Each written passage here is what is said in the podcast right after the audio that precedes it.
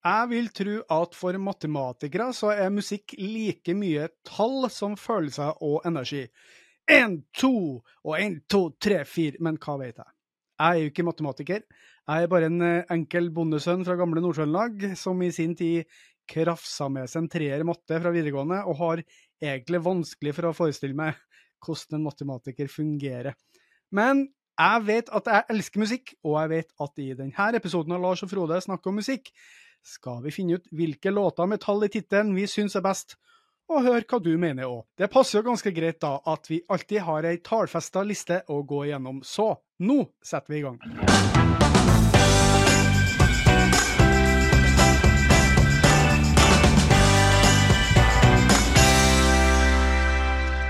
Takk for at du hører på oss, og jeg håper at du kan gå inn og gi oss noen stjerner og tilbakemelding der du hører på podkasten. Følg oss gjerne på Facebook og Instagram, eller sjekk ut hjemmesida larsogfrode.no. Vi har ikke mulighet til å spille musikken vi snakker om, men i hver episodebeskrivelse vil du finne link til spillelista i Spotify og Tidal, der du kan høre musikken. Mitt navn er Frode Fosvold Gjørum og Lars Berg Holtan, du som fortsatt sitter på Bygdebibliotekets låne-PC der nede i Marnardal og lager podkast sammen med meg. Har du fått telt opp alt av låter du skal ha med? ja, jeg telte, jeg telte til fem. Da knela jo Bygdebibliotekets låne-PC. Eh, derav den litt dårlige kvaliteten på mitt kamera.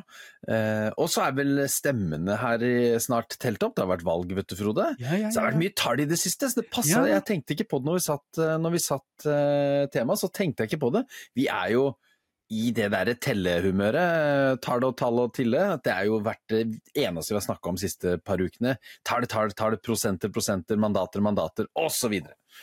Er det store omveltninger i Lindesnes kommune? Nei, det var jo et par saker som uh, fyrte opp, så noen partier gikk brump i bakken, og andre gikk opp i taket. Uh, men om det totale bildet blir så forbanna annerledes av den grunn, jeg tror ikke det. Jeg tror ikke de har klart å finne ut hvem som skal være ordfører ennå heller, så de sitter og krangler på et bakrom et eller annet sted.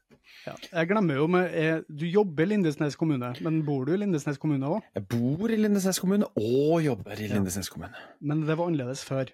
Da jobba jeg i Lyngdal, som var nabokommunen. Mm. Ja, Så- ja. Og, Eh, bodde har- i, og bodde i Marnardal, for vi ble slått sammen, vi, vet du. Ja, ja, ja, sånn var Så det. det har skjedd Mm. mye rart. Ja.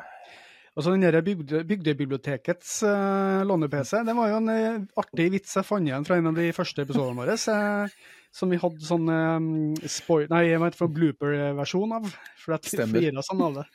Så det ble en egen blooper. Så den kan du jo høre uh, hvis du går helt tilbake til begynnelsen. Den ligger som en liten sånn bonus-trailer der. Likte at du dro den opp igjen. Ja, eh, artig. Eh, han kan faktisk eh, Jeg vet ikke hvordan det gikk i valget her i Malvik kommune en gang. Eh, det er vel Arbeiderpartiet som dro av gårde med det igjen. Her har vi jo Nygårdsvolds eh, fødested, Humlevik, eh, så der står de sterkt. Eh, da, i dag, så skal vi jo ta for oss et ganske åpent tema, vil jeg si. Vi skal snakke om låter med tall i tittelen. Og vi gjorde vel sånn som vi pleier, Lars.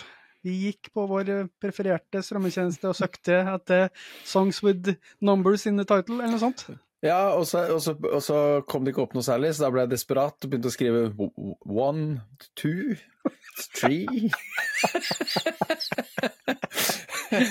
og, så, og opp til 1000, og så lagde jeg en tentativ liste, og så har jeg lagt, latt det filtrere seg ned. Eh, og da sitter jeg igjen med fem gode. Ja, for vi skal jo telle opp fem låter som vanlig, telle ned fra fem til én. Eh, og jeg vet at du har eh, laga et lite tema, eh, og jeg har et lite, litt mer intrikat tema, men eh, fortell om du kan.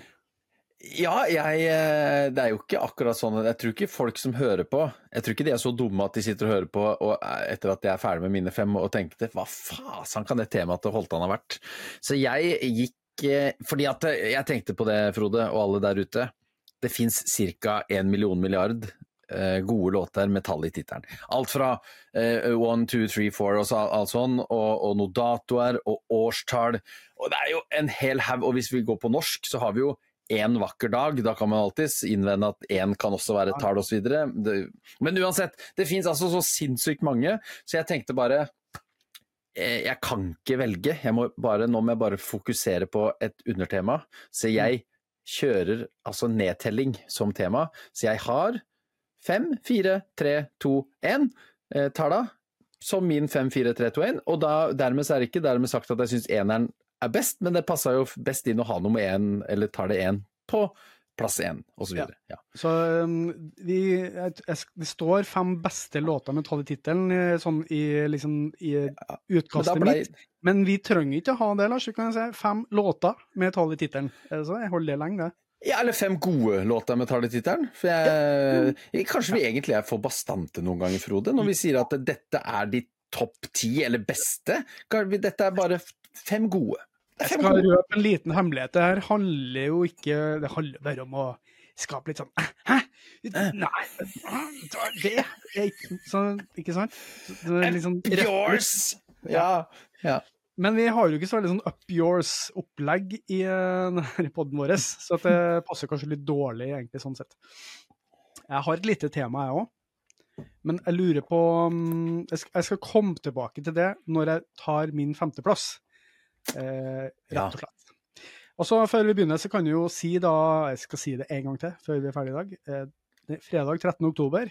Eh, litt sånn ulumsk dag, men da klokka åtte på kvelden, da skal vi ha livepodkast. At vi skal spille inn podkasten live. Eh, har laga et Facebook-arrangement. Vi skal strømme det til Facebook. Håper at folk blir med i chatten. Eh, blir med og kommer med innspill. Vi skal ha vi har ikke bestemt temaet ennå, men vi regner med at det blir et ganske åpent tema, som gjør at så mange som mulig kan være med og ha meninger om ting. Så um, kanskje vi kan høre på litt på musikken underveis og sånne ting for oss sjøl, og tenke ja, det her var jo ganske bra, ja, det funka ikke, og sånne ting. Jeg Ja, blir... ikke, jeg har ikke bestemt formatet helt ennå. Nei, det blir nok litt annerledes i formen, for nettopp det når eh, hvis ja. vi er så heldige at noen eh, der ute er med oss eh, og kommer med noen tips, så er det jo ikke alltid vi aner hva de snakker om, så da kan det være greit at vi får oss ti sekunder med låta på øret og kan si boo, eller Ja. Nei, Det er en god plan. Eh, og så er det lov til å ta med litt god drikke og kose seg. Eh, og så ser vi hva som skjer, rett og slett. Eh, det er jo anledning uh, jubileum med 51 episoder. Neste episode er jo 50, uh, men det passer så dårlig å ha jubileum uh, til den episodeinnspillinga, så da blir det 51, 51 episoders jubileum. Ja, ja, ja, ja, og for de som er så glad i å spille dart, 51 er jo trippel 17, vet du. Det er bare Ja, det å banke det inn. Ja, ja, Ja. Så det er en trippel 17-bursdag. Ja, supert. Ja. Da tar du din femteplass. Kommer ikke dama? Er ikke hun på hørte jobb? ikke dama? Nei, jeg hørte ikke dama. Ah, hørte ikke dama. Jeg hørte bare her. Det er jo litt dumt i så fall. Nei, vet du, nå ser jeg hva som skjer. Eh, vi prøver å teste en ny tjeneste i dag for eh, innspilling, eh, i forberedelse av livestrømming om en måneds tid.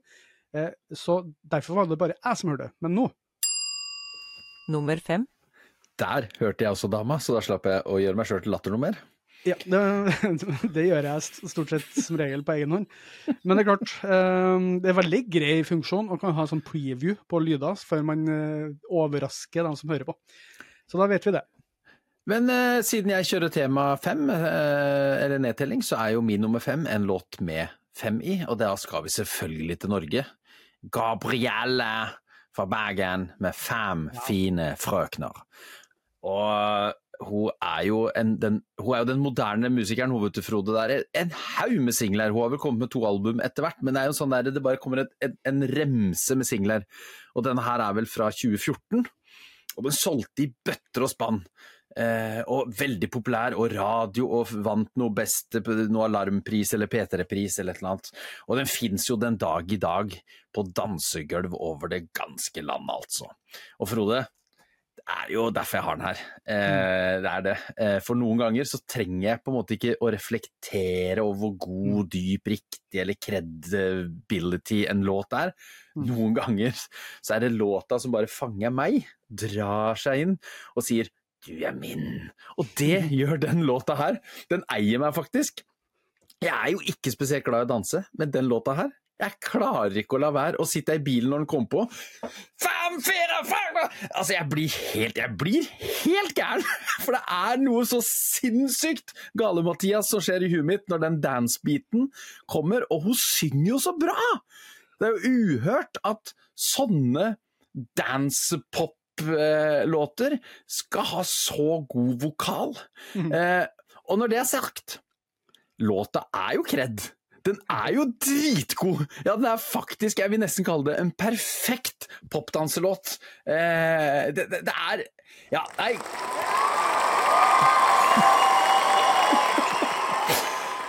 Så her er det bare eh, Jeg mister det når jeg prater om det, jeg mister det i hvert fall når jeg hører den, men her er det faktisk bare til alle dere lyttere.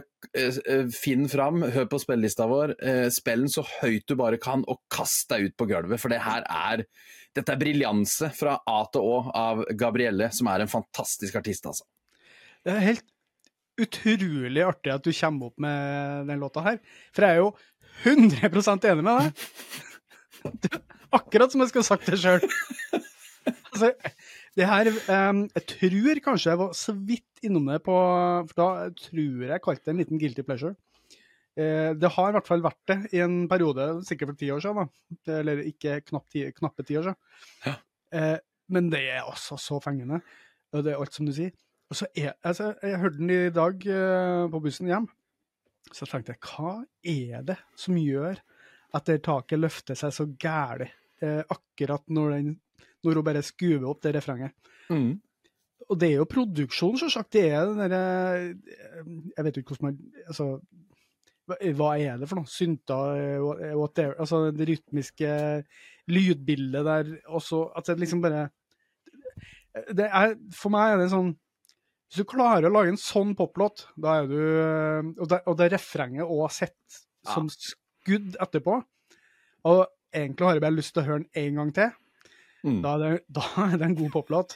Ja. Og jeg har hørt den ganske mange ganger. Og hvis den eh, Hvis jeg det, jeg, Nå har vel ikke vært så mye ut i, i danselokaler det siste tiåret eh, som jeg kanskje var i, i, i åra før det. Men hvis den der har kommet på, så lurer jeg, meg, lurer jeg kanskje på om det er blitt noen hoftesving på unge Fossvoll Gjørum òg, altså. Så nei, dæsken var en bra start. Ja, takk, takk, takk. takk. Jeg er godt fornøyd. Ja, det, var, det var artig.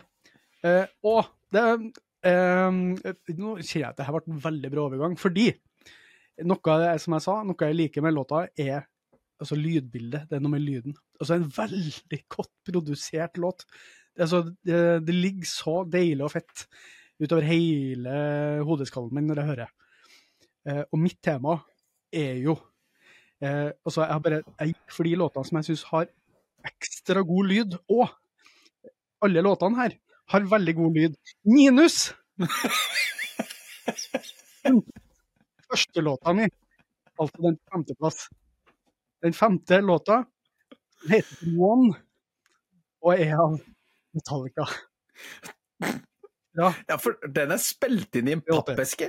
Ja, for den er spilt inn i en pappeske? Um, den um, høres Altså, jeg hørte på remasteren ehm, i, i, går Nei, i dag. Altså, for, å- for den har jo gitt ut flere versjoner. ikke sant? Så når de remastera den, for Jason Newsted kom jo inn da i, eh, i 1988, eh, når eh, gamle bassisten døde, Cliff Burton. Um, og han var jo Jeg tror de hadde noe De hadde litt mye vondter mot eh, mot eh, Jason Justed, de, tre andre. At eh, han var ikke Cliff Burton, og ingen kan være Cliff Burton, for han var en unik, eh, unik bassist. Han spilte egentlig gitar på bass. Uh, så uh, det virker som at når de gikk i studio her uh, og bestemte ganske mye sjøl, så skrudde han bare ned bassen. Det er ikke noe bass på det her plata her. Fins ikke. Og til og med på remasteren så satt jeg kjørte opp full bass på eh, øreproppene mine. Det skal sies, jeg har ikke verdens mest pappfulle eh, bassørepropper, men ganske bra likevel. Hører ikke, hører ikke noe bass. Den liker kanskje å forsterke noen trommer, kanskje, sånn bakom, så at det blir eh, noe greier. Hører det ikke. Så det er virkelig unntaket. Men ganske bra lyd ellers, da. At du får gitarene opp og sånne ting, selvsagt. Men eh, ja, den, er, den plata er jo mm, historisk eh, kjent for å ha dårlig lyd, sånn sett. Dårlig produksjon. Det var jo en danske der, vet du, som satt nede på Danmark som het Flemming Rasmussen, som eh, liksom var produsent på første platene, men han, han var jo først og fremst tekniker. Men nok om det. One, eh, en av de mest kjente låtene til Metallica, eh, også fra And Justice for All. Eh, um, og det her var den siste plata før The Black Album, før de gikk ordentlig kommers og gikk i helt motsatt retning, også lydbildemessig. De skjønte vel at de har gjort noe tull der. Eh, og det er en grunn til at det her er en av de mest kjente låtene. Eh, det er jo en lang låt. Eh, den er jo ganske dramatisk. Det handler jo om krig. Det handler om en soldat som eh, ønsker å dø. Han er alvorlig skada. Eh, prøver å få ut det til legene som er rundt den, folkene. Eh, du hører det krig. Eh, og det er en lang, lang ballade. Og det er jo Metallica hadde jo alltid nummer fire på platene sine, det var en ballade. Det var liksom standard, egentlig en, en, eller annen form for ballade. og her var det den første musikkvideoen de laga, som jeg tror de vant litt eh, priser for og sånne ting. Uh, en av de beste låtene deres, en av de mest kjente. Og jeg tenkte på i dag, når jeg hørte den låta altså, Det Metallica var så god på, var at de skrev så utrolig gode låter, sammensatte låter. Veldig mange bra eh, metallband på den tida der men de skrev jo ikke de samme låtene. Eh, det var jo ikke så interessant å høre på. Det er så jæklig interessant å høre de låtene til Metallica når de var på høgden. For alt er liksom et hook. De, de grommeste riffa, de eh, snedigste eh, trommebreaka som eh, man kan si ja, Lars Ulrik er ikke verdens beste trommis, men han hadde noen veldig kreative greier han holdt på med. Det, er en veldig kreativ trommis. Så alt er et hook, og også i One.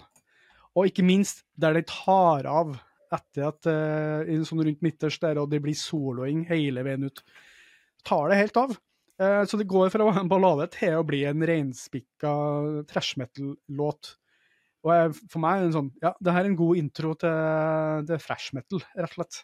For det er jo en veldig melodisk låt, og som bare dynamisk sett tar hele kaka. Uh, jeg har vært en eh, Jeg har snakka om Metallica før. Vært en favoritt i ja, 35 år.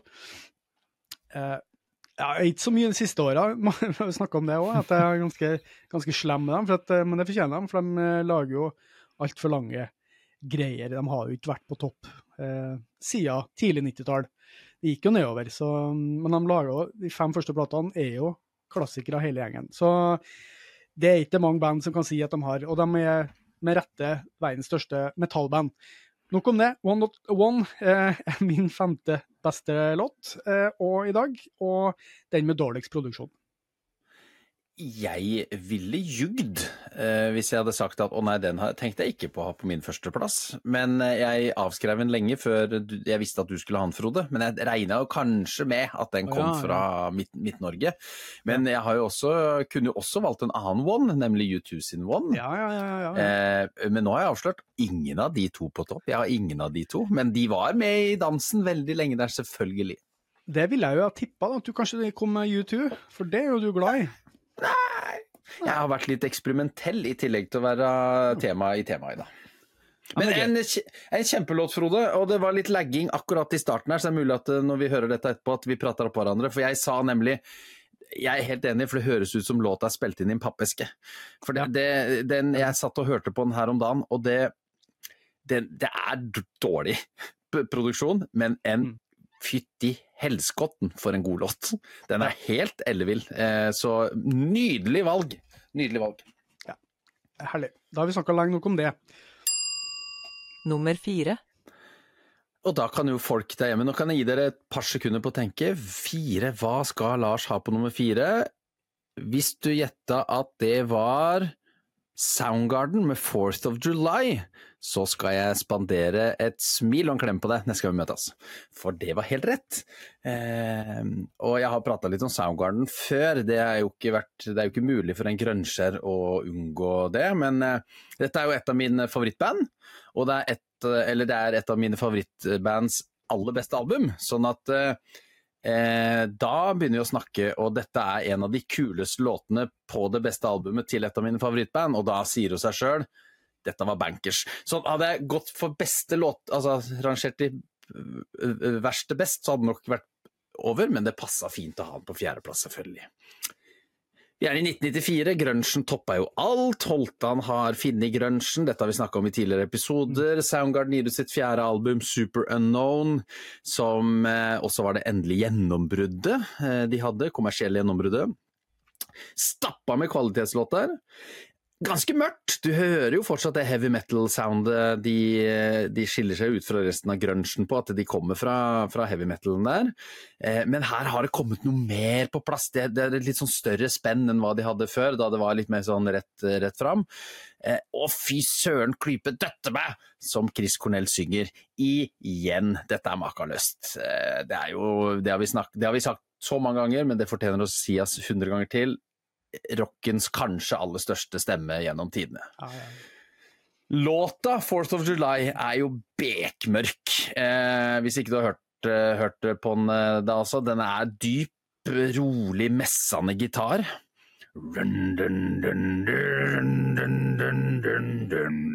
Det bare går og går. Cornell holder seg ganske lavt i registeret i starten. Det går så sakte, og det er så seigt. Eh, og, og, så etter hvert blir det liksom dobbeltvokal. Han legger på en lys og en mørk tagning oppå hverandre. Det er litt sånn skummelt, og det er annerledes, og det er derfor den låta her er så tiltrekkende på meg. Og, jeg, og det er så bra. Den kler, den sklir inn i plata.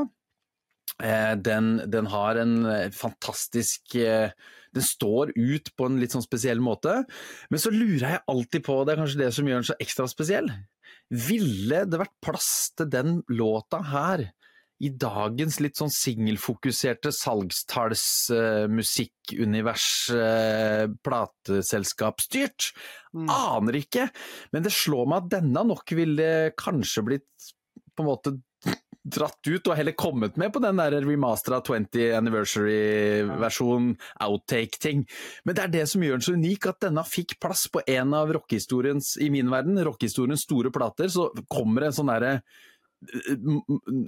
mørkt, annerledes låt som likevel bare blender så inn. Og det er en fuckings perle, folkens, så gled dere hvis dere ikke har hørt den, for dette er uh, annerledes, men veldig, veldig, veldig bra. Jeg huska den ikke i, farta, selv om jeg hørte masse på Super Unknown i, i 1994. Altså, Chris Cornell har jeg snakka med før, var et av mine største forbilder vokal, vokalmessig. Ikke at jeg aspirerte til å være vokalist i 1994, jo det gjorde jeg nok, men jeg hadde ikke noe rockeband i sikte å synge i. Dessuten var jeg i militæret, så det var ikke så mye Får ikke mye annet enn gauling, eh, eventuelt på perm. Um, uh, men, men akkurat her så er Chris Cornell verdens største eh, rockevokalist eh, by far. Og vi har snakka om eh, det her eh, Jeg har snakka om Spoonman før, har vi ikke det? Blant mm. annet. Mm. Eh, og hvordan jeg ikke er så spesielt glad i Black, Black Hole Sun, som er deres mest kjente låt, ironisk nok. Men jeg er for psykedelisk for, for min del. Men Fail On Black Days, hvor fantastisk låt jeg syns det er. Ja. Eh, kanskje min favoritt-Sandgarden-låt, der vi virkelig hører hvor god han er. Men den låta her jeg, hadde jeg faktisk eh, glemt litt, men den er jo en av de mest eh, spilte på det albumet. Så ja. eh, det er selvsagt godt og langt unna Black Hole Sun, men likevel. Uh, det, det, var en deilig, sånn overraskende låt å dra inn, som jeg tror kanskje ikke ville ha kommet hvis ikke du skulle hatt nedtellinga di. det, kan, det, kan, det, kan, hende at du har et ja. poeng der, men den fortjener å dras opp i lyset ja, ja, fra så mørk og fin den er. Men det, det jeg syns er bra med noen av temaene våre, når vi kan uh, variere litt, selv om det kommer en grønnerslåt, da, det skal sies. Uh, men ja, det var, det var jo Vi, vi luker jo borte litt av de samme greiene, uh, men sånn blir det jo. Men jeg, jeg har prøvd i hvert fall lite grann å variere i dag. Bare litt. Ja, ja, men det kommer, det kommer mer. Det kommer mer. Ja, ja det, var, det var et lite hint. OK. Jeg skal i hvert fall dra den uh, helt annerledes fra det jeg pleier å snakke om. Eller jeg pleier å snakke om det av og til, men vi skal til jazz, faktisk. Litt avantgarde-jazz? Nei, det er jo ikke det. Men uh, i hvert fall én av personene her har drevet litt med det i sin tid. I sin tid, gamle der. Unnskyld meg. Vi skal til en coverlåt. Vi skal til det som er originalt sett er en låt av Paul Simon. Eh, Vi skal til låta 'Fifty Ways To Leave Your Lover', som jo eh, var den andre singelen fra um, Paul Simons sitt album 'Still Crazy After All These Years', 1975, som, som en litt sånn uptempo, småartig sak, med en sånn artig perkusjon, og som egentlig er litt av eh, hele som driver det fram. Men uh, det er ikke den versjonen jeg har valgt, for um, første gangen jeg hørte 50 Ways to Leave Your Lover, så var det ikke Paul Simon sin versjon jeg hørte. Det var uh, på en konsert i Bø eh, 25.11.1999 med Sissel Endresen og Bugge Wesseltoft, som var på turné eh, annet for eh, plata si Duplex Ride, som kom i 1998. Jeg var jo litt inni sånn dra på jazzklubb og var glad i jazz på slutten av 90-tallet der, så det passa egentlig veldig bra. Men det var altså en så magisk konsert. Eh, jeg var helt fjetra eh, der jeg satt. Og nå skal jeg legge til litt histori historikk. Når jeg vokste opp, og eh, vi hadde bare én kanal, ikke sant, eh, i hvert fall i Grong, på begynnelsen av 80-tallet, når jeg var barn, da kunne NRK finne på å sende jazz, sånn på beste onsdagskvelden. Det, ja, det kult, vi må være kulturelle, vi må sende av gårde noe jazz. Og da kom jo eksempel Jon Eberson Group med Sissel Endresen eh, på vokal. De var vel gift, så vidt jeg husker. Han var gitarist, hun var vokalist. Og de greiene de holdt på med, altså det var så snåle greier det for en åtte-niåring at det jeg satt bare Å, fy faen. Jeg hadde så avsmak mot jazz i 10-12-13-14 år etter det. Jeg kunne ikke forstå hva de greiene her var for noe. Og Sissel Endresen nå ikke var spesielt pen og tiltrekkende, som man var vant til å se at folk som sang på TV var. Eh, var en ganske ordinært utseende dame eh, som sang rart. Og hadde rare lyder som kom ut. Men så blir man voksen da, og får eh, utvida musikksmak eh, og forståelse av ting. Og så sitter man der i en eh, mørk eh, sal, eller jeg kan ikke kalle det sal når man er på Bø vertshus i, Grong, nei, i Bø. Men mørkt er det, og stemningsfullt er det. Og Sissel Endresen med det her geniet på piano slash klaver, eh, Bugge Wesseltoft, som spiller. Altså, de, de komboen der, altså, de, helt magisk. Og det de gjør med 50 Ways to Leave Your Lover, er jo å ta den fra en litt sånn eh, småfrekk, liten sånn dansaktig nesten greie, til helt nedpå. Tolke det helt i en annen retning, så det blir eh, ordentlig mm, trist og melankolsk og lengtende og litt rart, men òg litt sånn småfrekt. Eh, og litt sånn Å, nå leker vi litt. Eh, og det er en eh, av de beste coverlåtene jeg vet om. Den ble ikke med på beste coverlåta, men den eh, lå eh, og vaka under der. Og nå måtte jeg dra den fram.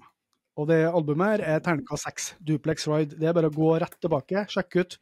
En norsk klassiker i mitt uh, hode og mine ører, i hvert fall.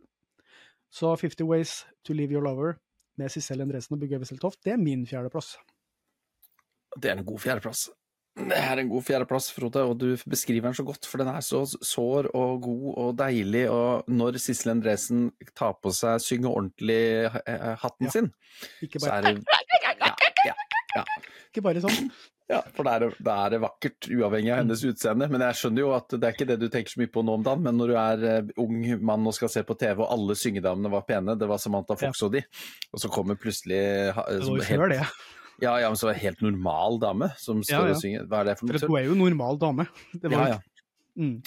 Jeg har, jeg har jo hørt eh, låta flere ganger, for den er veldig veldig fin. Jeg har ikke hørt så mye på albumet, men det gikk jeg nå rett inn og la til blant mine favoritter, så jeg kan høre på det. For det her ser jeg for meg nå kommer snart mørket. Denne kan nytes med et eh, godt glass eh, og fyr i peisen og de. Oh, ja. Men jeg har vært på konsert med Sissel Endresen, ute, uten Bugge Wesseltoft vel å merke. Og Mm. det var Sissel Endresen med gutturale tullelyder, Mm. eh, hatten på seg. Mm. Det var i Flekkefjord, eh, hos min eh, da eks-svigerfamilie der borte, denne jazzfamilien og Anja Laudal og de. Ja, ja, ja. Eh, Og de sto jo og syntes dette var ganske topp, og jeg, da skjønte jeg at her, den så langt ut i jazzen kommer jeg meg ikke. Her er det bare å innse sin begrensning. Jeg, jeg skjønner at det, ble, det var ikke der det ble ekte- ekteskapsbrudd. Nei, det kunne Det kunne vært det, men jeg tenker det som så har du ikke noe fint å si, så kan du bare uh, tie stille. Ja. Nei, men, men det er jo en opplevelse uh, å, å, å oppleve, men samtidig noe jeg ikke trenger å oppleve igjen. Uh, men Sissel Endresen, som sagt, med vanlig stemme og pianoflygel, da er det så vakkert som dagen er lang og natta og de. Hun er jo et eh, vokalt eh, geni. Altså, Ja. hun er jo Det er jo Hun er jo litt sånn slags eh, en kvinnelig jazzvokalist, norsk versjon av Mike Patten, på en måte. Ja, det var faktisk ganske godt sagt! Så da skjønner man eh, hva hun holder på med, og leker med Og så er en ordentlig musiker, ikke sant? Bruker stemmen som eh, instrument. Og så skal jeg bare si da, en lite fun fact til slutt, eh, så ikke her skal bli for langt. Eh, på secondhandsongs.com, som er en sånn eh, database på internett over forskjellige låter, og som nå her rangerer låter, f.eks. i dette tilfellet coverversjoner, så ligger den her av 119 registrerte coverversjoner av den låta, som er ganske mange, er den kåra til og stemt fram til den sjette beste. Så Er det sant? det er ganske heftig. Så jeg føler jeg at det bare styrka min, mitt poeng. Ja, det er bra. Da var vi fornøyd med den. Ja. Nummer tre. Eh, og den her får dere ingen betenkningstid på, for denne ville dere ikke gjette om så dere hadde fått 100 000 gjett, for nå skal vi til Fever 333 med låta Out of Control slash 3. Eh, og eh, Frode, det er, ikke, det er ikke sikkert du kjenner så mye til dette heller? Da høres vagt kjent ut. Ja, Det er den, ja. Ok. Nå, skal vi, nå skal vi være litt sinna her, folkens.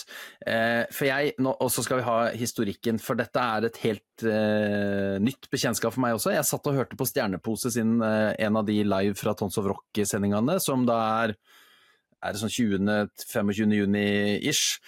Rett før sommerferie, min egen sommerferie i hvert fall.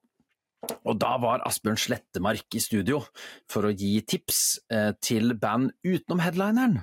For Asbjørn Slettemark han er jo et eh, lite musikalsk eh, leksikon, og han er mye på festival. Og han hadde just vært på noen sånne belgiske og nederlandske metal- og rockefestivaler. Og, og kunne melde litt hjem om Guns N' Roses som var i sånn passe form, og, og litt sånn annet. Og da dro han altså fram Fever 333. Eh, og han mente da at dette kom til å bli festivalens villeste konsert. Og han mente at det, det låter som om Rage Against the Machine sine beste låter skal covres av The Prodigy. Eh, og da satt jeg i bilen, og så måtte jeg bare stoppe bilen, og så måtte jeg bare søke det opp på Tidal og sette det på, for en sånn beskrivelse det går det ikke an å ignorere. Det, det er helt sjanseløst. Så jeg måtte sporenstraks sjekke det ut, og ja da, her smeller det, si! Det er aktivistisk politisk band, det er hardcore, rap metal, elektroniske innslag, det skrikas og rappas, og det er clean vokal. Og denne låta her, da. Eh, de har gitt ut to, to album, tre album. Eh, men de er, de er, jo produktive, så det er jo bare de siste åra. Eh, låta åpner med et sinna skrik. Så går det rett elektronikabass. En sånn mm, mm. Og så før det legges på noe gitar og trommer. Eh, og så blir det derfra ut en sju minutters berg-og-dal-bane med sånn usedvanlig poppete refreng i alt det sinna. Det er så poppete og allsangvennlig og fint, det, det refrenget, at det blir nesten litt sånn det blir Fader, er det for noe? Eh, men så er låta akkurat som bandet er, og det var det jeg merka meg der jeg satt i bilen på vei hjem du må spise det en liten bit av gangen. Dette er veldig overveldende når den støyen og kaoset eh, som definerer både denne låta og hele det artistiske uttrykket til Fever 333, det, det blir jævlig mye, unnskyld banneordet. Eh, vi har snakka om det før, noen ganger så må du bare ta ting bit for bit. Du må, du må høre ei låt eller to, eller kanskje bare en halv låt, så må du la det ligge litt, så må du jobbe deg inn i det igjen. Eh, for dette er, et, dette er, et, komplett kaos.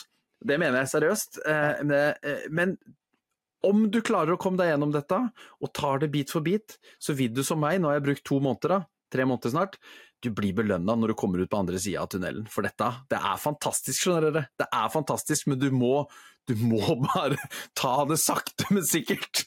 Eh, alt svir litt første gangen og de, så er, du må bare ja, la ørene blø litt, men så blir det fløyelsblod etter hvert. Det blir, eh, det blir fra blod til blodpudding, og det blodpudding er mye bedre enn blod. Så vær så god, Fever 333 Autocontrol slash 3. Uh, bare s- fikk en bilde av at uh, Fever 333 var på Beat for beat, når du snakker om å ta det bit for bit. det, da tror jeg han Atle har Han er en gammel metallvokalist, men det tror jeg han har gått hjem om. Du, jeg har um, hørt det på det her albumet faktisk for tre-fire år siden, så at, uh, det, var, det var noe som blinga oppi Men jeg, to, jeg lot det jeg, sy- jeg, lykt, jeg likte det den gangen, og så tror jeg eh, det var litt voldsomt der og da, så da skulle jeg liksom høre på det senere, og så glemte jeg det. Ja. Så bra, bra, bra tips å få tilbake. For, men jeg, vet akkurat hva du, men- hva du mener. Det er sånn eh, Du blir liksom bombardert med inntrykk, så da Ja. må du bruke litt tid og noen, eh, liksom, til å få OK, hva, hva er greia? Og så når du skjønner det, og du liksom kan liksom lene deg litt inn i det etter hvert, så, så sitter det. Og i hvert fall gjelder det her hvis du ikke er vant til altfor støyete musikk. Ja, og jeg, jeg har full forståelse for de som sjekker det ut og, eh, og finner ut at dette var litt mye. Men du får ikke lov å si 'dette likte jeg ikke' før du har sjekka det ordentlig ut. Mm. For det er noe inni der som du kommer til å like. Jeg, er ganske sikker på det, altså. Ja. Ja. Det var, det var, det var deilig Du er ordentlig alternativ i dag, Lars, vil jeg si. Ja, Til meg å være, så Bortsett er fra at du jeg starta med en banger, da. Det skal ses. Det er sant. det er sant. Og så tror jeg kanskje det roer seg nå. Ja, kan godt hende det kommer noen flere bangers. Ja, men- ja men på sånn ukjent. eh, Litt sånn Ja, ja, ja. ja. Det, Jeg føler du har ordna det. dette var peak ukjent. Herfra og inn så blir det kjent. Bra. Eh, Men eh, ta det med ro, folkens. Nå skal jeg roe det helt ned. Nå, eh, nå, har, eh, nå har ørevoksen løsna litt, så nå skal han få legge seg igjen. Eh, vi skal høre på 13 av mm, kanskje dem som starta powerpop en gang på 70-tallet der. Big Star. Eh, Big Star var et eh, amerikansk ja, De kalles rockeband, men eh, jeg kaller det et powerpop-band. Som ble danna i Memphis i Tennessee i 1971. Den mest kjente her er Alex Chilton, han som sang og skrev låtene. Chris Bell, Jodie Stevens og Andy Hummel. De, de hadde jo ikke kommersiell suksess i det hele tatt. Men de er et sånn klassisk band som da i ettertid har blitt hylla av kritikere, og hatt kjempeinnflytelse på, på musikere senere. Og spesielt da på sånn alternativ rock. Eh, jeg tror ganske mange, eller alle, er enige om at de var de første sånn ordentlig, som, som kjørte på med pop, men med liksom ekstra kraft. Men eh, 13, det er jo ikke en uh, powerpop-låt. Det er en ballade med en akustisk gitar. Rolig tempo. Det er en, eh, ja, en ballade eh, som eh, ble utgitt i 1972.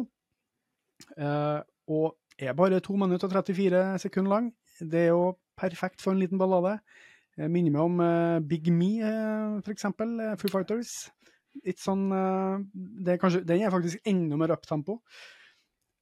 Og det Rolling Stone beskrev den som en av rockens vakreste feiringer av ungdomstiden.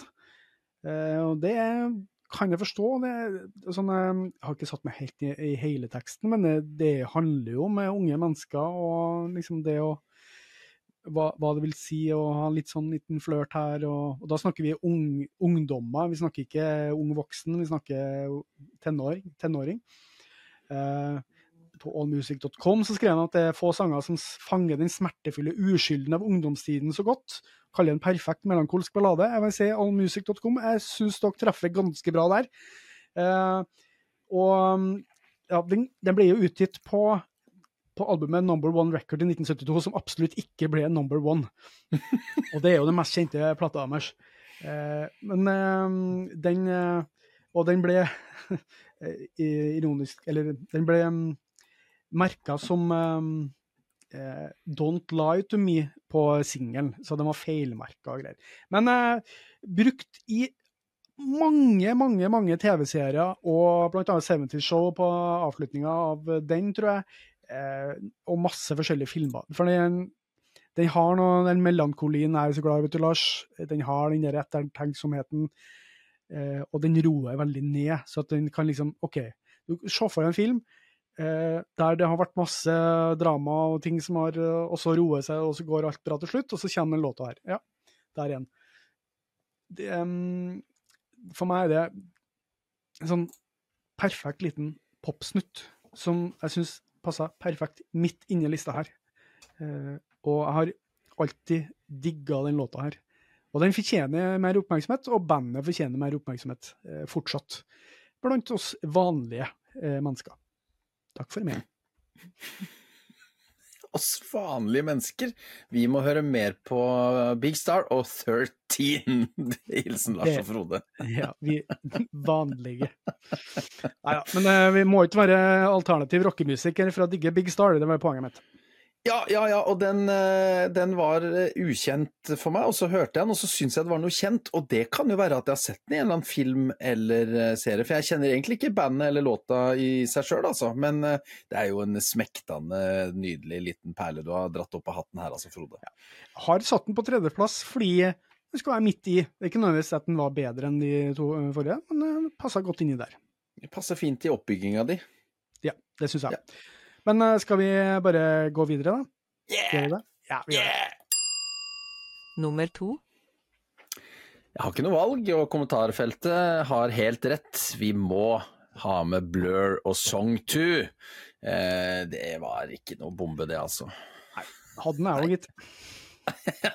Men i dag, jeg var så lur at jeg var inne allerede i går og skrev inn minnet, for da kuppa jeg på en måte lista, så da måtte du sikkert finne på noe annet. Du lærte fra sist, ja. ja, jeg gjorde det. Men eh, Song 2, det er jo ikke eh, noen der ute som ikke har hørt Song 2 med Blur. Det tør jeg vel nesten påstå. Sånn I nyere rockehistorie så må det jo være en av de mer kjente, kanskje mest kjente rockelåtene som fins. Men Eh, jeg kan jo prøve å beskrive den. Det er jo en Perland-låt. Den er så enkel, eh, og likevel så god. Eh, og Damon Albarn er jo en nydelig låtesnekker, altså. Jeg ler like mye hver gang jeg ser det Gorillas-kleppet, der han, åssen den der Clint Eastwood-låta har kommet til. Og så er det sånn der rett ut av butikken, liten sånn der Yamaha eller et eller annet som har trykket på en knapp, og så har den hele biten. Så jeg er litt spent på hvordan Song 2 kom fram, men det, den er enkel på samme måten. Det er starta med de der enkle, men jæskla fete trommene. Uh, og så kommer gitaren og henger seg på med et av de mest kjente riffa som uh, fins. Uh, og vips, så er vi i gang. Og låta er jo nummer to på albumet. Albumet Blur, som kom i 95. Det er vel femte albumet, tror jeg. Og den varer jo i to minutter, og heter Song 2. Det er jo helt briljant. Uh, Nede i versa neddempa gitar, trommer og vokal, og øs pøs fuzzgitar i refreng, og uh, syng og hyl og brøl og alt. Blur har jo holdt på eh, siden 1988, og har hatt et par lengre pauser underveis, men de er jo aktuelle. De har kommet med nytt album i år, Frode. De, vært på, de var jo på Øyafestivalen og alt mulig. Eh, jeg tror de søren meg holder koken her, skjønner du. Jeg tror ikke de har blitt sånne dølle vi spiller for penga. Jeg tror de er dritbra jeg, I samtiden den gang så holdt jeg meg mest uh, de litt mer rocka britpop-banda, for jeg var glad i britpopen, jeg, altså. Uh, og Blur, til tross for at dette er en perle av en rockelåt, så er jo de litt Jeg syns rett og slett de kan være litt kjedelige, jeg må innrømme det.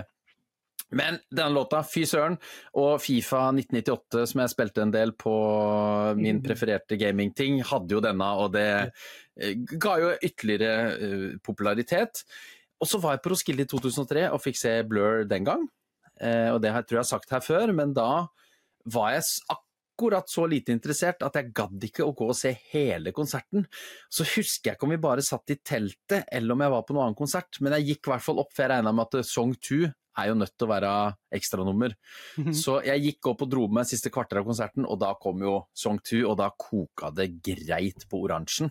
Så jeg har sett denne låta live, og den er like god live som den er på plate, og den måtte med! Dere har helt rett, alle dere kjære lyttere, og da skal dere få slengkyss og klem og alt det vi lova dere, for Song 2 på min andreplass. Her er jo en, eh, Jeg har den som sagt eh, hadde den i vakende under her. Eh, Og jeg hadde en mistanke om at du kom til å ta den, så tenkte jeg det, den skal Lars få ta. Eh, men- hvis alle Blur-låter var så kule som den her, så har jeg vært stor Blur-fan, jeg òg. Ja, ja. Um, men jeg vet jo det at um, Jeg måtte dobbeltsjekke her òg. At den var jo ment For jeg husker jeg, var en sånn, jeg så en sånn uh, episode om um, britpopen. Var ikke den som lå på Netflix eller noe sånt? da? Jo, jo, jo, om den beefen med Oasis Ja, ja, ja, og hele Ja, stemmer det? Og da var det jo eh, Og det står jo at eh, det var jo Song 2 var jo ment til å være en parodi på grunge. eh, på Stemmer det. Og skulle liksom, eh, liksom disse på en måte litt Nirvana og Mudhoney og sånne ting. Og så, som jeg ser han bassisten ser sier her, da, det var ikke så mye tankeprosesser som gikk inn i lagen. Eh, Vi tenkte ikke på det i det hele tatt.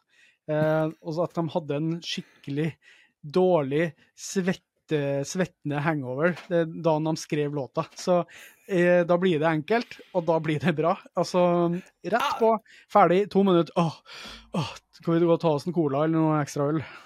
Rema 1000 sitt slagord eh, stemmer sjokkerende ofte. Det enkle er ofte det beste. Ikke, ikke overtenk, ikke overspill, ikke overgjør. Bare gi gass intuitivt, og det funker som ei kule.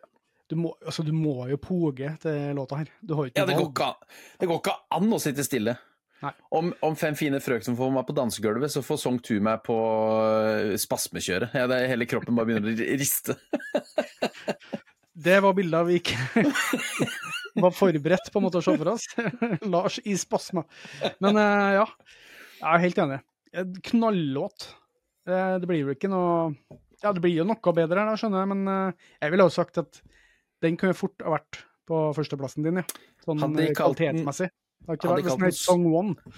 Helt rett. helt rett. Song One, da den kommet uh, om én plass til. Ja, ja, nydelig.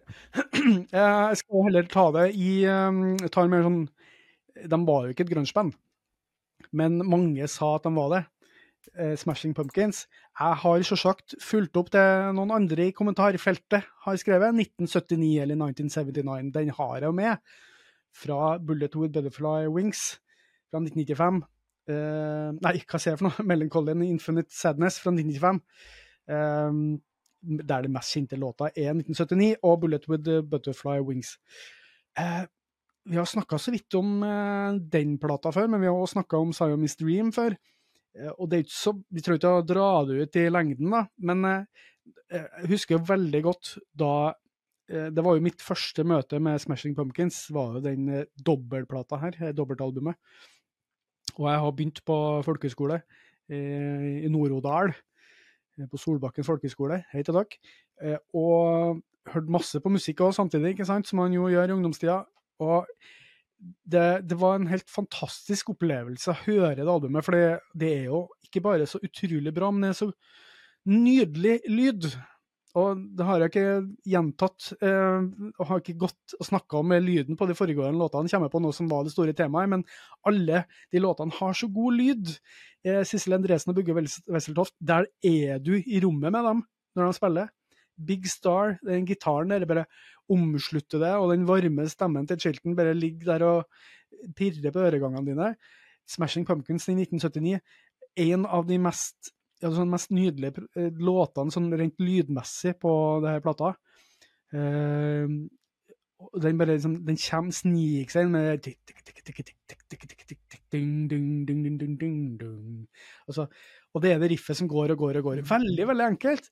Men så hooky og smart, og med den derre rare stemmen til Billy Corgan, som jo som er litt sånn vanskelig å forstå hvordan han ble rockestjerne. Men det her var 90-tallet. Det, det herlige med 90-tallet, da var det å være litt rar, det var bra.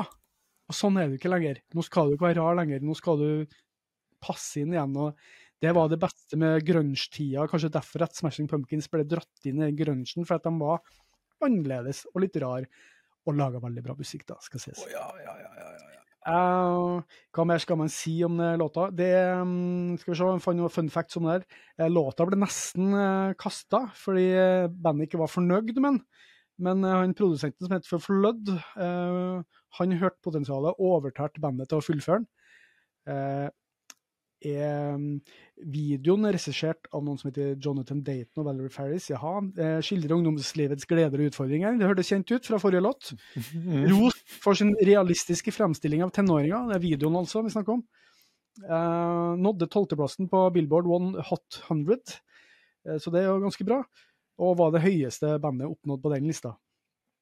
Eh, ja. Det er jo bare en utrolig bra låt, Lars. Jeg regner med de aller, aller, aller fleste har hørt den låta her òg. Og det er en av de beste låtene til Smashing Pumpkins, syns jeg. Hadde jeg ikke falt ned på 5-4-3-2-1 eh, eh, temaet mitt, så hadde denne nok eh, vært helt, helt, helt, helt, helt der oppe. Kanskje også inne på topp fem, for det er en sinnssykt bra låt. Og vi har snakka om de før, som du sier. Eh, jeg, jeg liker stemmen til Billy Corgan i Eh, 72% liker jeg den, eh, men jeg, jeg svelger det fordi at under produksjonene så går det veldig greit. Og hvis jeg hører liveopptak av de, så blir jeg litt sånn hei, hei, hei, For da blir den ikke like inneklemt i vellyd, ikke sant? Men, men uh, han låtskriveren og jeg er helt enig, det er kult at en så egentlig litt sånn snirklete pipestemme kan bli en rockehelt på mange Mm. måter. Og låta er det, er det er prima, og albumet, dobbelalbum, prima fra ende til annen. Det er helt vilt. Ja, jeg fikk egentlig lyst til å gå og bare høre på det nå. Jeg bare grave meg ned ordentlig og høre på det som godt. Fordi det er så bra. Det syns jeg du skal gjøre etter, eh, etter sending, som jeg liker å si. ja, ja jeg, jeg tror jammen jeg skal gjøre det. Uh, og mm, hva hva jeg skal si At um, Ja, at, at um, de var så Ja, at de var så ja, rar. Det, det, det var liksom bare kult. Eh, og jeg syns vi skal få tilbake mer rarhet, men rarhet som eh, eh, Man må ikke være rar for å være rar, men kan, altså, det er noe med å få den særegenheten. Da. Det var, jeg hørte en annen diskusjon som ikke har noe med musikk å gjøre, men eh, de snakka om eh, når sånn skikkelig gode komikere, hva de gjør for noe. De hermer jo ikke etter andre komikere. Når de, når de er på sitt aller beste, så er de bare seg sjøl, 100 de, eh, de bare er seg Altså, du, du blir glad i den særegne eh, dem, Hvordan de er 100 Mm. og at de blir morsomme. Og sånn blir det med Smashing Pumpkins òg, for å dra den. At eh, de er seg sjøl så mye at det blir så bra. Og, og de herma ikke etter noen. De var et unikt sound. Og Simon's Dream spesielt, da de kom med det to år før, var jo så unikt sound. Og så en annen sak her om dagen òg, at det, det var liksom det ultimate altrock-albumet, på en måte, og soundet. Fordi at det var Du kan dra inn Nirvana og sånne ting òg, selvsagt, men altså den lyden der var så naila på 90-tallet, og den lyden Du kan bare tidfeste det med en gang. Eh, og så var det noe annet som jeg skulle si som jeg har glemt, men eh, det må jeg ikke Jo, eh, jeg sa vel kanskje sist når vi snakka om Smashing Pumpkins at jeg har sett dem live i Oslo Spektrum, og det var jo helt grusomt dårlig. Og så Oslo Spektrum, lyd, dårlig lyd, eh, pipestemme, kjedelig på scenen, ingenting skjer, ikke noe, står litt langt bak, betonggulv. Veldig dårlig kombo sjøl på tidlig 2000-tall. Ja, ja det, den, den ser jeg, eller hører jeg, eh, at det der funka ikke. OK, da er vi straks på førsteplassen. Da har jeg bare lyst til å nevne igjen fredag 30. oktober klokka 20.00 på kvelden. Live-podkast. Sa du nå 30.? Nei, jeg håper jeg sa 13, fredag 13. Jeg håper Ja, det. vi, sier, vi bare tydeliggjør det. Fredag 13. Ja. Tenk ulykke. At alt skal gå galt med den, den sendinga. Eh, vi sier det nå, så at eh, det ikke gjør det. Det banka jeg i skrivebordet. Livepodkast. Vi spiller inn live. Håper så mange som mulig blir med på chatten eh, og mm, ja, kommer innspill til temaet som vi ikke har valgt ennå, men som dere snart får vite om. Da, Lars, da går vi til Nummer én. Og må jeg legge til null, for jeg har teller meg hele veien ned. For jeg Oi. drar altså nå opp noe dere ikke hadde tenkt på, noen av dere. Ingen der ute har forutsett den her heller. Bo Kaspers Orkester med låta Ett og null. Så da har jeg rett og slett telt meg ned. Fem, fire, tre, to, én og null. Jeg er så fornøyd med lista mi. Men synes, det høres veldig veldig gjennomtenkt ut, det gjør det. altså. Men er låta bra, Lars? Få høre. Nei, den er jo helt middelmådig, bare. Nei, den er altså så brillefin, eh, altså. Eh, de som ikke kjenner Bo Kaspers, det kan jo hende fins. Så er det sånn svensk jazzpop-orkester, veldig flinke. Hei Eh, på Noen dere ganger 15 år. Hæ? Hei på dere som eh, hører på som er 15 år gammel. Ja, men alle som er over 15 har hørt om eh, Bo Caspers Orkester. De er jo såkalte norgesvenner. Jeg er ganske sikker på at de har fått lusekofta Se og Hør, uh, uten at det har noe sammen med Bonnie Tyler og, og Smokey. Helt Men, sikkert. Eh, men de spiller jo ofte konsert i Norge òg. De har vært med på hyllestplate til Bjørn eh, Eidsvåg og de, sånn at det er jo en eh, De, de er jo kjent i Norge. Og de, noen ganger, sånn som på den her, litt sånn latininspirert eh, rytme, om det er rumba eller bossa nova eller hva det er for noe, jeg har ikke det der stiller jeg nå kort. Men de starta i 1991, og de holder på ennå, gitt ut 13 plater. Og spørsmålet er låta god? Den er dritgod. Den er fra tredjeplata Amerika i 1996. Det var nok på den tida jeg hørte mest på Bo Kaspers Orkester, sånn seint 90 og litt ut på 2000, og så har de på en måte bare forsvunnet litt for meg, kall det det. Og låta er en sånn sukkersøt sak som kanskje kan virke litt sånn unnselig, eh, men som sniker seg inn under huden din som en eh, jeg vet ikke, den bare sniker seg inn under huden, og så brer den seg som et sånt mykt flispledd og luller deg inn i sånne deilige drømmer der du ligger på sofaen. Og for de som ser oss på YouTube, nå ligger Frode der i flispleddet sitt på, om ikke sofa, i en lenestol. Det er piano, det er akustisk gitar, det er noe bongos eh, der, og vokalist Bo Sundstrøm sin eh, beroligende, kanskje litt sånn halv, litt bitte litt nasal, men veldig sånn beroligende stemme på toppen. Dette er taffelmusikkpop på sitt aller, aller, aller beste. Det er bakgrunnsmusikken du skal ha på første date. Det er det du skal ha i ørene når du ligger og slapper av på stranda med en god bok. Eh, det er når du cruiser sakte på landeveien i solskinnet i din nypolerte bil, gjerne en kabriolet. Eller det er når du trenger noe som skal senke skuldrene dine helt ned. Du kryper opp i badekaret, har på noe levende lys, eh, kanskje en god bok der også, eh, noe godt i glasset. Så hører du på denne, og fy søren, der sparte jeg dere for masse psykologregninger, folkens. For da detter skuldre og hode og alt helt på plass. Så god er denne låta.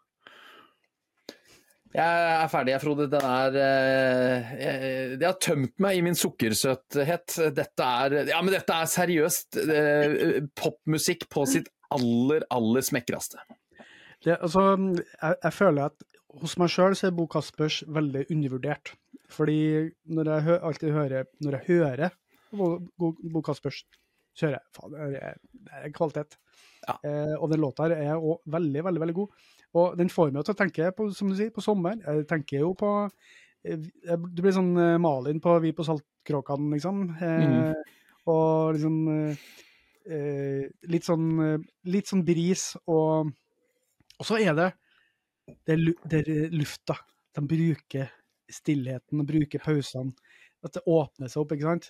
Som det må jo være jazzmusikere i bunnen, Lars. Jeg vet jo ingenting om dem, men eh, Ikke jeg heller. Det er jo veldig den måten å tenke musikk på, at du lar musikken og stillheten liksom ja, åpne seg for deg, da. Eh, og de, luft gir ettertenksomhet. Og Eller stillhet, stillhet, rettere sagt. Ikke luft. Vi sier stillhet.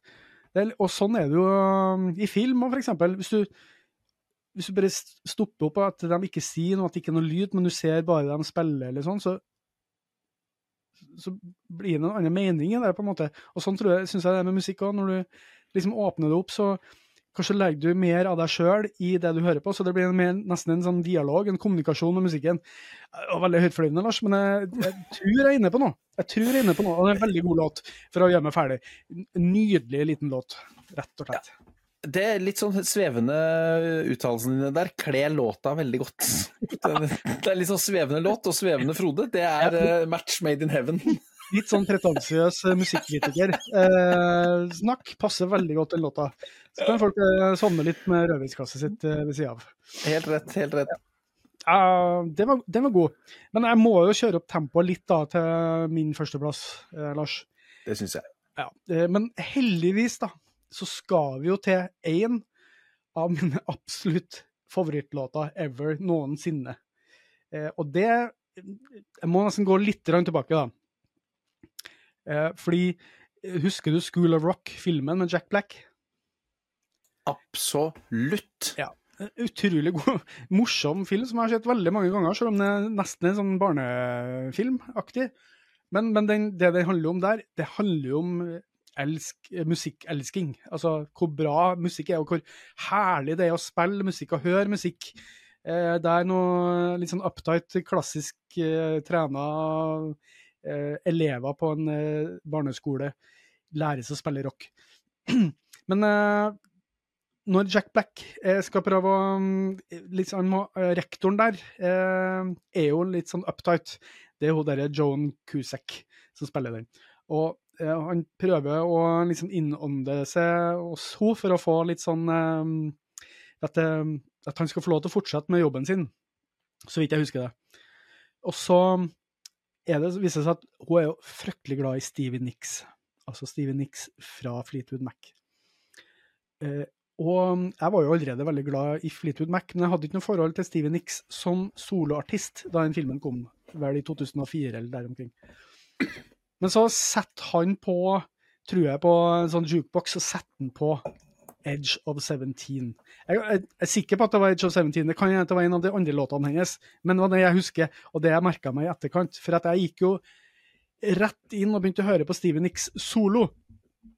Og Edge of 17 Åh, for en låt Steven, eh, Edge of 17 er. Eh, det er jo fra hennes debutalbum, eh, Bella Donna, fra 1981. Eh, det var den tredje singelen, kom eh, 4.2.1981. Eh, og den ble skrevet eh, sånn opprinnelig eh, for at den skulle, ja, Det er en litt lengre historie, men jeg skal korte ned. Eh, Den er skrevet for å uttrykke sorgen eh, som fulgte etter at eh, John Lennon og onkelen hennes døde i samme uka i desember 1980. Eh, og den har jo det veldig kjente gitarriffe.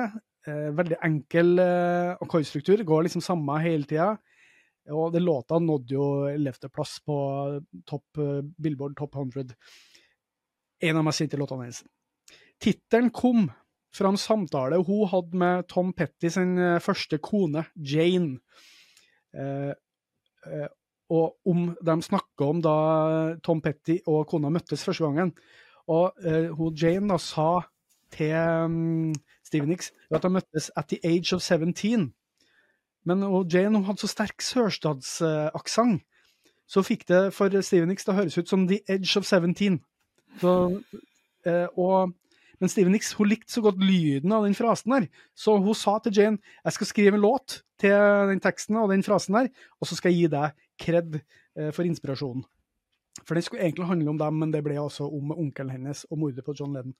Ja, så ble den jo, De, de fleste kjenner jo denne låta best fra Bootylicious med Destiny's Child, der det her gitarriffet går til å begynne med. Det er der, ja! Så når du hører den utrolig feite starten på den låta, så er det Edge of 17 med Steven Nicks. Uh, en av de beste låtene ever. Og så er det den der, det riffet, da. Det, for dere som er musikere. 16-dels gitarriff av gitaristen Woody Wachtel, som går gjennom C, D og E-moll-akkorder. Så veksler han to ganger mellom E-moll og C-moll. Og han uh, gitaristen uh, hevda at det var Bring On The Night med The Pol- Police som var inspirasjonen for riffet. Det kan ikke jeg validere, for jeg husker ikke den låta i farta. Men jeg må si litt mer om låta, sjølve låta, og opplevelsen av den. Steven Nicks. Altså, den vokalisten Steven Nicks er, jeg har snakka om henne før, men altså, hun, hun, så, hun går altså så inn i hjertet på meg med den derre nesten litt fraværende stemmen, som lik, likevel ikke er fraværende. Den har så dramatikk uten å være overdramatisk. Den har sånn tilstedeværelse. Eh, og så er det selvsagt utrolig bra låt i seg sjøl, melodimessig. Men du har koringa som svarer, det går fram og tilbake. Du har det grunnlaget med den gitaren som går. eh, selvsagt litt sånn 80-tallsstil på det, men ikke helt. Bare sånn akkurat nok til at det blir kult fortsatt, og det blir tidløst. Og så anbefaler jeg alle å bare gå inn på YouTube og se musikkvideoen til denne låta, som er tre minutter lenger enn det låta egentlig er, for det er en liveversjon som er den offisielle musikkvideoen. Og den er helt fantastisk. Og da skjønner du hvorfor Steven Nix er så bra som fremfører, hva som er så bra med musikken, og hva som var så bra med den tida. Selv om hun var et ordentlig kokainhode på den tida der, og sikkert, sikkert knapt husker bakfram på noe som helst.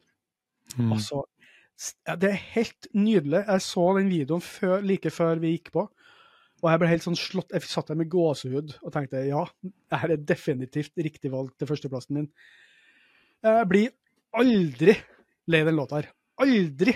Altså, det er pop-genialt. Og jeg vil si, gå så langt som å si at Fleetwood Mac, Rumors, hele greia, ja, fantastisk. Det er selvsagt det beste som finnes, men jeg vil si at det her er Det er ikke under de låtene. Det er helt på par med de beste låtene fra Fleetwood Mac, kanskje noen ganger over. Hvis man skal ha litt sånn ekstra røft, uh, røff Fleetwood Mac. Det er store ord. Det er store ord. Takk. Ehm, jeg er så glad for at jeg fikk snakka om den låta på et eller annet tidspunkt. Var den der. Er kjempebra. Kjempebra. Ja, ja, skål. Nå har jeg drikket opp ølen min, så her har jeg litt vann som jeg kan skåle med. Ja. Men hadde du noe forhold til låta, du, da? Nei, overhodet ikke. Men jeg kjenner den jo fra filmen, og det er jo en veldig god låt. Men jeg, er jo ikke i nærheten av ditt kjærlighetsforhold til Steve Nicks, så jeg skal, ikke- nå skal jeg ikke si noen ting annet enn at jeg anerkjenner selvfølgelig både låtvalg og artist, og også Fleetwood Mac, selvfølgelig, som du har pratet mye om før. Det er dritbra. Det er bare en verden jeg aldri har krabba meg helt inn i. Mm. Så derfor så skal ikke jeg prøve å si noen ting, for det, vil bare, det, det blir bare blødmer og flaut etter at din hyllest, som er helt rettferdig, skal, den skal få lov å skinne uten at jeg skal ødelegge det ettermælet. Altså, jeg, jeg vil ikke ha noe annet fra deg, Lars, noe enn at du etter vi er ferdige nå, så går du inn og ser den videoen på YouTube. Ja. Med hodetelefonene dine, så du får en ordentlig opplevelse, eller på TV-en din, eller hva du gjør for noe. Så at du, du ordentlig kjenner på det. Da vil du skjønne hva jeg mener. Eh, og da, nå kanskje, nå har jeg ikke, vet jeg ikke, nå skal jeg inn på, nå er jeg på vei inn på Instagram, Frode, for jeg ser vi har fått noe, eh, noen kommentarer der også. Ja. Så eh, skal vi bare se her. Eh, For nå tenkte jeg at eh, nå tok jeg litt eh, kontroll og sa at Ja, nå skal vi gi den hatten av til chapeau, til, til de som har gitt oss noen tips og kommentarer. Så legger vi vel rubbel og bit i spillelista, gjør vi ikke det? Ja, ja, ja, ja, ja. Det, det gjør vi. Her blir det alt med. Alle skal med. For, for Facebooken hadde jeg oppe, men nå skal jeg lese opp her fra min Instagram-profil, eller vår Instagram-profil, at Lars og Frode. Vi heter vel ikke noe mer enn det der heller? Og da har jo Og der Jeg var jo inne faktisk og tenkte på at jeg skulle ha med en låt fra dette bandet, eh, som kaller seg Two Minutes Hate. De er jo i vinden. Ja, de har et par, eller i hvert fall én kul låt med siffer. Men de har eh, kommentert, eh, Frode, så det må vi si tusen takk for. Eh, 13 Stitches med No Effects. 22 med Taylor Swift. 15 ganger 1 ganger 96 av The Ataris. 99 Luftballons med Nena, selvfølgelig. Eller 99 blir jo det, da. da. 78 med Dryways og 15 Punks med Upstrokes. Det var mye snadder der, altså. Eller 13-12 med Two Minutes Hate. 13 Helt, helt, one, helt. one. Helt rett, det var den jeg satt og hørte litt på her om dagen og tenkte dæven dundre, skatepunken er ikke død, altså. Eh, Platinum Andersen, Ludvig som han heter egentlig, som faktisk er en, ikke faktisk, for det er ikke noe å si faktisk over, men han er en ufattelig dyktig vokalist og gitarist selv, så han kan vi prøve å lure til å Han er litt i, han er litt i dvale nå. Ja, ja. Eh, Eight Circle av Bon Iver. Eh, det, og han, han har også forklaring. Det treffende med denne låta er at når jeg lukker øynene og lytter til den, så ser jeg åpent landskap og stor natur. Det er eh, vakkert. Bon Iver eh, er jo ikke noe dårlig idé. André Tanum slenger inn en favorittlåt av meg, Tre Libras med A Perfect Circle.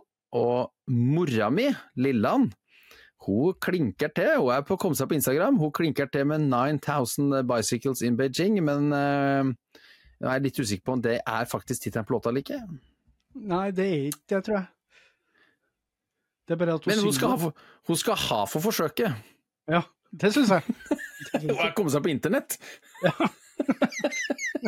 Du var veldig ovenfra og ned, Lars.